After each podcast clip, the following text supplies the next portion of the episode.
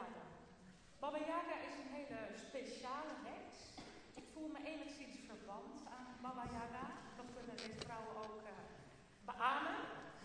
Um, Baba Yaga is dus een heks. Wel een hele speciale. Ze woont in een hut op kippenpootjes.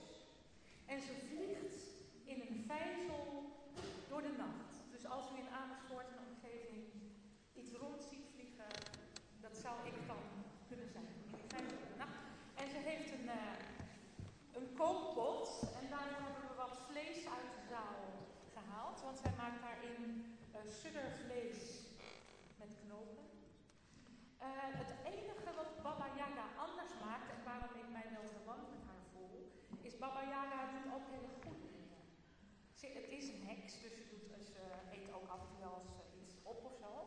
Maar je kan ook met wensen naar haar toe komen en die laat ze dan in vervulling gaan. Ik hoop dat ik een beetje muzikale wensen in vervulling doe gaan. En